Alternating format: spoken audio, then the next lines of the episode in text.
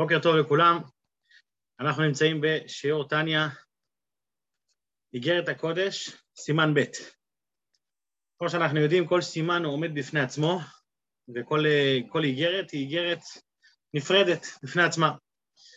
האיגרת שלנו נכתבה אחרי שאדמו"ר הזקן השתחרר מפטרבורג. כידוע שאדמו"ר הזקן ישב במאסר, המאסר שממנו הוא השתחרר בי"ט כסלו, אז אחרי שהוא השתחרר מהמאסר, הייתה שמחה גדולה בין החסידים. שמחה גדולה על השחרור של אדמו"ר הזקן. השמחה הייתה כפולה. רגע, תראה את זה לפה. השמחה הייתה כפולה. מצד אחד, שאדמו"ר הזקן השתחרר, ומצד שני, שהמתנגדים הפסידו. זה בדרך כלל כשיש ניצחון, אז הניצחון הוא לשני צדדים, שמישהו בסוף מפסיד. אז, אז אדמו"ר הזקן מיד כתב את האיגרת הזו כדי לתת לחסידים דרך איך חוגגים ניצחון. זאת אומרת, גם מי שמנצח וגובר על מישהו אחר, איך צריך להיות ההתמודדות שלו עם הניצחון הזה. לכן בחרתי את הכותרת הזו לשיעור, איך, איך, איך בן אדם צריך להגיב כשהכול הולך כמו שצריך. זאת אומרת, לפעמים אנחנו במצב כל כך טוב נמצאים, ואז אנחנו עפים על עצמנו. האדמו"ר הזה כן בא להכניס אותנו לפרופורציות ואומר, בואו נלמד מיעקב אבינו איך, איך, לי, איך להגיב לדברים טובים שקורים. תמיד אנחנו רגילים איך להגיב לדברים רעים. פה האדמו"ר הזה כן נותן לנו יסוד איך להתמודד עם הצלחות בחיים, דברים טובים. בואו נתחיל את האיגרת לפי הסדר ונלמד אותה. אז כמו שאנחנו רואים, וואי, סליחה על הרעש. אז כמו שאנחנו רואים, האיגרת נכתבה אחרי ביאתו מפטרבורג, זה הכותרת של האיגרת. אין כותרות כמעט על שאר האיגרות, אם נשים לב, נגיד פרק ג', אין כותרת. זה דבר שהוא די נדיר, אבל במקומות שכן יש כותרות, אפשר לראות הבדלים, הבדל מעניין. סתם בתור התחלה, בתור uh, טעימה, אני אדלג רגע לאיגרת כ"ז. באיגרת כ"ז גם יש כותרת. מה שהוא כתב, לנחם אותם, אבל אם נתבונן טוב, נראה שיש הבדל בין פרק כ"ז לפרק, לפרק, לסימן ב'. בסימן ב' הכותרת נמצאת לפני הסימן, ובכ"ז זה נמצא אחרי הסימן. מה ההסבר לזה? חסידים היו מסבירים שמה? שבעיקרון הכותרת שייכת לאחרי הסימן. למה? כי אתה בפרק ב', תן לי את הכותרת של פרק ב', אם נלך לתניא של שער איכות והאמונה, איפה מופיע הכותרת? אחרי הפרק א', נראה לי, אני לא זוכר עכשיו. אבל לכאורה זה אמור להיות שייך לפרק א', לפרק ב'. אז פה למשל, יש לך פרק כ"ז, כותרת, מתחיל העניין. כאן אנחנו רואים הפוך. קודם כל כותרת, ואז מתחיל הפרק. כאילו הכותרת היא מעל הפרק. מה זה בא לרמז? זה בא לרמז שאחרי שאדמו"ר, כמובן זה לא אדמו"ר הזקן כתב את הכותרת הזאת, זה הבנים שלו כתבו את זה. אבל מה? זה בא, הם באו לרמז לנו שאחרי שהוא חזר מפטרבורג התחיל, התחיל פרק ב' בהפצת המעיינות של אדמו"ר הזקן. כידוע שיש את החסידות של אדמו"ר הזקן עד פטרבורג, עד המאסר, ויש את החסידות שאחרי המאסר. אחרי המאסר אדמו"ר הזקן הרחיב והפיץ, יפוצו מהדרך החוצה ביתר הרחבה, ביתר שאת ויתר עוז, את כל העבודה של הפצת החסידות, הרבה יותר ממה שהיה לפני המאסר. אז זה סתם בתור התחלה על, ה... על הכותרת. עכשיו לתוכן האיגרת. מה בעצם אדמו"ר הזקן רוצה להגיד לנו פה? הוא מתלבש על הפסוק בפרשת וישלח, שאומר יעקב אבינו לפני המפגש עם עשיו, הוא מפחד, הוא מפחד מה יהיה התוצאה של המפגש עם עשיו, לכאורה מה אתה מפחד, אלוקים איתך, ממה יש לפחד? אז הוא מפרט בפסוק והוא אומר, קטונתי מכל החסדים ומכל וכולי. זאת אומרת שיעקב אבינו אומר, אני, אני מרגיש קטן מכל החסד שאלוקים נותן לי. עכשיו, יש בזה שני פירושים בפסוק. לפני שנלמד את הפירוש של אדמו"ר הזקן, אז חשוב לדעת את שני הפירושים שיש לפני אדמו"ר הזקן. יש פירוש של רש"י ופירוש של הרמב"ן. רש"י מפרש שמי זה קטונתי? קטונתי זה הזכויות שלי קטנו. אין לי הרבה זכויות, אני קטן בזכויות. למה אני קטן בזכויות? מכל החסדים, קיבלתי הרבה חסדים. ומכל האמת, מכל ההבטחות שאלוקים הבטיח לי באמת. כי במקלי עברתי את הירדן ואתה הייתי שני מחנות. אז לכן אין לי הרבה זכויות, הזכויות שלי כביכול בוזבזו על כל הברכה שכבר קיבלתי. זה דבר ראשון. פירוש, מגיע הרמב"ן ואומר, קשה לפרש ככה. למה קשה לפרש ככה? כי קטונתי זה הולך על האדם, לא על הזכויות שלו. אם זה היה זכויות, היה צריך להיות כתוב, קטנו זכויותיי. אז הרמב"ן מפרש אחרת, הוא אומר, קטונתי, אני קטונתי. שיעקב אבינו אומר, אני נהייתי קטן, למה נהייתי קטן? מכל החסדים, אני לא כלי לכל החסדים האלוקים. זה, זה כל כך חסדים גדולים שאלוקים מרעיף עליי, שאני בכלל לא שייך לזה, אני, אני קטן לעומת כל החסדים האלה. אז מה יוצא בעצם? לפי הפירוש הראשון, החסדים, החסדים הגיעו לו, ו- ובגלל החסדים אז הוא קטן בזכויות. לפי הפירוש השני, החסדים הוא לא הצליח להכיל אותם כי הוא קטן. שני פירושים שונים, האם הקטונתי הולך על החסדים, על, ה- על, ה- על הזכויות, או שהקטונתי הולך על האדם. מגיע אדמו"ר הזקן ונותן פירוש אמצעי. אדמו"ר הזקן אומר, בואו ניקח את שני הפירושים ונחבר אותם, גם רש"י וגם הרמב"ן. מי זה קטונתי? קטונתי זה אני קטונתי, זה על האדם הולך. אבל מה זה מכל החסדים? זה מרוב חסדים שקיבלתי. זאת אומרת, זה לא חסדים שאני לא יכול לקבל, אלא מרוב החסדים שקיבלתי, לכן אני נהייתי קטן. שזה פירוש שלישי ואמצעי שאומר, מצד אחד קיבלתי הרבה חסד, אבל מצד שני, החסד הזה לא פעל עליי הגבהה והרמה, אלא הוא פועל עליי מה קטונתי. אז בואו נראה את זה עכשיו במילים של אדמו"ר הזקן. פירוש, אנחנו כבר יודעים את הכלל, שכשאדמו"ר הזקן כותב פירוש אחרי פסוק, הוא מתכוון לפרש פה משהו חדש. ולכן, אגב, זה כלל מאוד חשוב, כי אם אנחנו רואים את המילה פירוש ולא מצליחים להבין מה החידוש, אז, אז כנראה שלא הבנו את הפירוש. זאת אומרת, אם זה, אם זה, כן, זה הפירוש הרגיל, הפירוש הפשוט. אז לא הבנת את הפירוש. אוקיי, בוא נראה.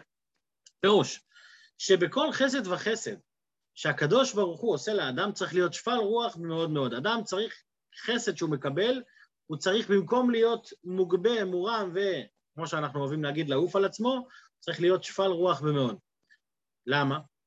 כי חסד, עכשיו הוא מסביר, הוא מסביר למה צריך להיות שפל רוח. כי חסד רוע ימינה. לפי הקבלה, חסד זה זרוע ימין, זה הצד ימין של הקדוש ברוך הוא, ועל ימין נאמר, וימינו תחבקני. ימינו תחבקני מורה על קירוב, כשאלוקים מקרב את האדם ומביא אותו אליו, הוא מחבק אותו, ימינו תחבקני. מה זה ימינו תחבקני? הקירוב של האדם לאלוקים, שהיא מבחינת קרבת אלוקים ממש ביתר שאת מלפנים. וכל הקרוב אל השם ביתר שאת והגביה למעלה-מעלה, צריך להיות יותר שפל רוח למטה-מטה. למה? כמו שכתוב, מרחוק השם נראה לי. מה הוא מביא הוכחה מהפסוק הזה? כי ככל שאדם קרוב יותר לאלוקות, הוא מרגיש עד כמה הוא רחוק. זה שתי ניגודים שאנחנו כבר נגענו בהם כמה פעמים בפרקים האחרונים של ליקוטי המרים, שהקירוב לאלוקים יוצר ריחוק אצלי בנפש, למה? לא, לא כי אני רחוק ממנו, הפוך. זה כמו אדם שהוא בתוך, uh, בתוך ים והוא צמא, צמא נפשי לאלוקים. ממה אתה צמא? אני צמא מרוב קרבה. כשאני קרוב כל כך, אני מבין עד כמה אני רחוק. לפעמים, אגב, כשאנחנו רחוקים, אנחנו מנותקים, אנחנו לא יודעים באמת, אנחנו לא יודעים להעריך, אנחנו לא מרגישים את הקירוב בכלל. ולכן גם כשאנחנו רחוקים, אנחנו לא נרגיש רחוקים כאילו. זה, זה הפוך על הפוך. כשאני מרגיש טוב עם עצמי, שזה גם אגב מתאים למה שאמרנו קודם, כשאני מרגיש טוב עם עצמי, אז אולי באמת אני רחוק, כי אני לא מרגיש שאני רחוק. וכשאני מרגיש רחוק, מתי אני מרגיש רחוק? ככל שאני מתקרב יותר. כשאדם לומד תורה, אני אביא את זה כדוגמה, כשאדם לומד תורה, ככל שהוא לומד יותר, הוא נהיה רעב יותר. אם אני מרגיש שבע בלימוד התורה, זה סימן מאוד חזק, שמה? שכנראה לא למדתי מספיק. אני מרגיש, וואו, אני יודע הרבה, אני יודע טוב. ההרגשה הזאת היא ראשית הנפילה בלימוד התורה. כי אין כזה דבר שאדם מרגיש שהוא יודע הכל. אם אני מרגיש שאני יודע הכל, אז יש פה בעיה רצינית. מתי אני יודע שאני, שאני בסדר, שאני מרגיש שאני לא יודע כלום? אז אותו דבר כשמדברים על הקירוב לקדוש ברוך הוא. קירוב לקדוש ברוך הוא, הקירוב הוא, ככל שאני קרוב יותר אני מרגיש רחוק, ולכן, הוא, ולכן הפסוק פה אומר, מרחוק השם נראה לי. למה הוא נראה לי מרחוק? כי אני כל כך קרוב. ולכן, התחושה של הקרבה לאלוקים לא אמורה לגרום לאדם הגבהה. הפוך, זה אמור לגרום לו שפלות. תראה כמה אני רחוק, תראה כמה עוד נשאר לי. ככל שאני קרוב יותר, אני מרגיש רחוק יותר ואני מרגיש שפל יותר. ולכן זה מה שהוא אומר, מי שמקבל חסד מהקדוש ברוך הוא, מי שמקבל קרבה, אז הוא צריך להיות שפל רוח. צריך לקבל את זה בפרופורציות הנכונות. וכאן, עכשיו הוא מסביר את מה, ש, מה שאמרתי בעל פה, נראה את זה פה בפנים. וכאן נודע דכולה קמא דווקא כלא חשיב, איך אתה אומר מרחוק השם נראה לי? איך אתה יכול להגיד שמרחוק, הרי כולה קמא כלא חשיב, הוא נמצא כל הזמן בכל מקום. ואם כן, כל שהוא קמא יותר, הוא יותר כלא ועין ואפס. ככל שאני מתקרב יותר אליו, אני יותר לא. וזו בחינת ימין שבקדושה, וחסד לאברהם שאמר אנוכי עפר ואפר. אנחנו רואים שבתורה, ככל שקיבלת יותר חסד, נעשית יותר עפר ואפר. ואברהם אומר את זה אחרי שהוא אה, מנצח את המלכים, והוא כובש שטחים, והרכוש שלו גודל, והוא מצליח, ועם כל זה, מה הוא אומר? אנוכי עפר ואפר. למה? כי החסד, כשאתה מקבל חסד מהקדוש ברוך הוא, אמור ליצור אצלך שפלות. ממשיך אדמו"ר הזקן ואומר, וזוהי גם כן מידתו של יעקב אבינו. זה אנחנו רואים גם אצל יעקב, בפסוק הזה קטונתי. ובזאת התנצל על יראתו מפני עשיו, ולא די לו בהבטחתו, והנה אנוכי עמך. למה יעקב הרגיש קטן? למה הוא אמר קטונתי? הוא יודע שהוא הולך להיפגש עם עשיו, ומצד שני הוא יודע שיש לו הבטחה שלו, כי מבטיח לו, אנוכי אהיה עמך, אני אשמור עליך, אז מה אתה מפחד? ממה יש לך לפחד? התשובה היא, למה הוא מפחד? כי הוא אומר, אני נהייתי, אני מרגיש קטן. נכון שאני קרוב, נכון שאני, במידת החסד מלווה אותי יד ביד, אבל מי אני בכלל? הוא מרגיש כלום. חשוב uh, להבהיר פה מה זה להרגיש כלום. לא, מדברים, לא, לא מצפים מבן אדם להרגיש שהוא שום דבר. אדם צריך לדעת את המעלות שלו, את החסרונות שלו, צריך לדעת את היכולות האמיתיות שלו, לא, לא להתעלם מדברים. לאידך, עם כל זה שהוא יודע את כל המעלות שלו, צריך תמיד, הוא צריך להיות שפל רוח. והשפל רוח לא בא במקום זה. זאת אומרת, השפל רוח הוא כלפי עצמי, הוא כלפי אנשים אחרים, אני לא מרגיש, אני לא מתנצל על מישהו אחר. היכולות שלי והידע שלי, אני, אני יודע להשתמש בהם נכון, אבל אני עדיין לא מתנשא בגלל זה. אז, אז יעקב אבינו, הוא, למרות שהוא מובטח ועומד והכל בסדר איתו, אבל הוא עדיין מרגיש קטן, הוא עדיין מתנצל, הוא אומר, קטונתי מכל אחד, אני לא יודע מה יהיה. מפני היות, אני ממשיך לקרוא בפנים, מפני היות קטן יעקב ומאוד מאוד בעיניו מחמת ריבוי החסדים, כי במקלי וכולי. ואינו ראוי וכדאי כלל ינצל וכולי. ולמה באמת הוא חושב שהוא לא ינצל? מה, אתה חושב שאלוקים לא ישמור עליך? אז חכמים כבר הסבירו את זה. במאמר רבותינו זיכרונה לברכה, שמא יגרום החטא שנדמה בעיניו שחטא. וכל מה שאמרנו עד עכשיו, מה שאין כן בזה לעומת זה, הוא ישמעאל חסד לקליפה. מה ההבדל בין חסד של קדושה לחסד של קליפה? חסד של קדושה גורמת לאדם להיות שפל. למה? כי אני לא ראוי לחסדים האלה. חסד של קליפה גורמת לאדם להיות אה, אה, גאה, להרים את הראש. אה, אני, לי מגיע, לי אורי ואני עשיתיני, אני, אני ואפסי עוד, הכל מגיע לי. זה חסד לקליפה. כשאתה מקבל חסד שהוא לא מהקדושה, אז הוא גורם לך אה, אה, להתרומם. אולי זה גם מדד. כשאנחנו עפים על עצמנו, אולי החסד הזה הוא לא מהקדושה, אולי מהקליפה. אז זה, זה, שני, זה שני הצדדים. כל שהחסד גדול, הוא הולך וגדל בגובה וגסות הרוחב, הרוח ורוחב ליבו. אז כל זה מסביר אדמו"ר הזקן, איך אדם צריך להתמודד עם הצלחות, להקטין את עצמו.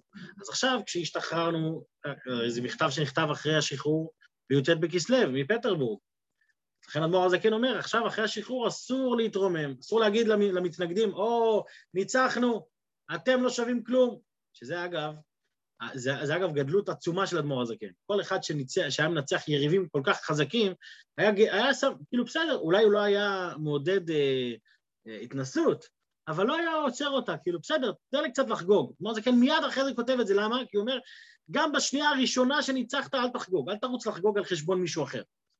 תדע לך שאם קיבלת חסד מלמעלה, אם אתה מאמין שזה חסד של קדושה ולא חסד של קליפה, אז תתבטל, תנשום עמוק, הכל בסדר, אין מה להתגאות על אנשים אחרים. לכן הוא יוצא פה באזהרה חמורה לכל החסידים. ולזאת באתי מן המודיעים מודעה רבה לכללות אנש, אנשי שלומנו, על ריבוי החסדים אשר הגדיל השם לעשות עמנו ביציאה, בהשתחררות פה מה, מהמאסר, לאחוז במידותיו של יעקב, שאר עמו ושארית ישראל. למה, למה הוא נקרא שארית אה, ישראל, שמשים עצמו כשיריים, ומותרות ממש שאין בו שום צורך.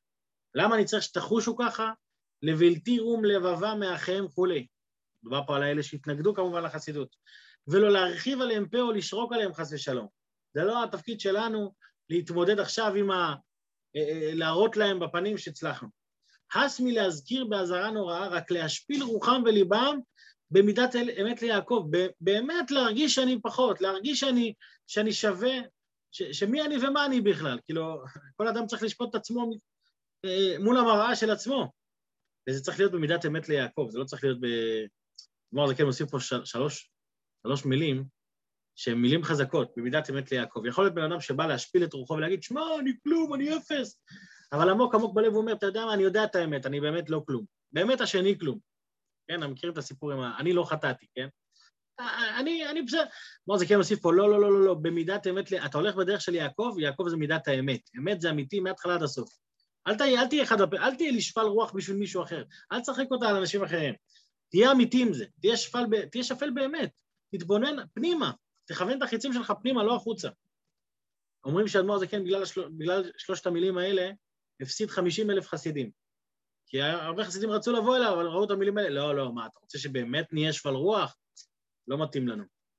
אבל האדמו"ר הזה כן לא ויתר עליהם. באו אנשים, אמרו, תוריד, רק תוריד, יהיה לך פה עוד 50 אלף, עלינו 50 אלף חסידים, ככה, קל. מה האדמו"ר הזה כן? חסידות זה אמת, במידת אמת ליעקב. במידת אמת ליעקב מפני כל אדם. כן, עוד פעם, שנייה, בואו נחזור שנייה להס מלהזכיר. הס מלהזכיר באזהרה נוראה, רק להשפיל רוחם וליבם במידת אמת ליעקב מפני כל אדם בנמיכות רוח ומענה רך משיב חמא.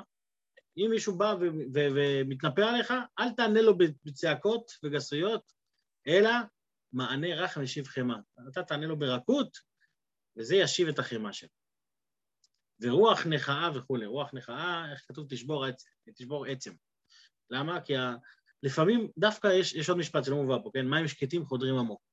לפעמים לא בצעקות משנים אנשים, לא במכות, אלא רוח נחאה תשבור עצם. מענה רך ישיב חמא. אתה רוצה לשכנע בן אדם, אל תצעק עליו. ברכות, ברוגע. וכולי היי ואולי ייתן השם בלבכם כמה הפנים וכו' וגומר, שכשאתה תנהג עם מישהו במידה, במידה רכה ולא במידה מלחיצה או, או צעקנית, אז הוא גם ירגיש את האהבה שלך כלפיו, וכמה הפנים הפנים הוא גם יאהב אותך בחזרה. אז זו איגרת שהיא מאוד יסודית. אגב, איגרת קטונתי, הרבי מפנה עליה הרבה פעמים. למה? כי זו איגרת יסודית איך להתמודד עם הצלחות. זה... לא מדברים על זה הרבה, תמיד מדברים על איך להתמודד עם כישלונות או איך להצליח. אבל איך אני מתמודד עם הצלחה? איך? קטונתי. תדע לך את המקום שלך, גם כשאתה מצליח, תהיה עדין, תהיה מנומס, תהיה בן אדם. אז אה, לחיים, לחיים, שנצליח, מה שנקרא, כן? שנצליח... אה, אה, זה, זה, על הנייר זה קל, כן? זה כיף, זה, זה, זה שזה כתוב זה כיף, זה גם טוב לנו אה, פוליטית. אדמו"ר הזקן לא מתנשא על אף אחד. אבל אה, לעשות את זה, זה כבר עבודה. עבודה, להנמיך את עצמנו, תמיד תמיד להרגיש אנוכי עפר ואפר, ללמוד מיעקב אבינו, ממשה רבנו. אז לחיים לחיים, שיהיה מדי יום טוב לכולם, ובשורות טובות. נראה בשיעור הבא. תודה רבה, יום טוב.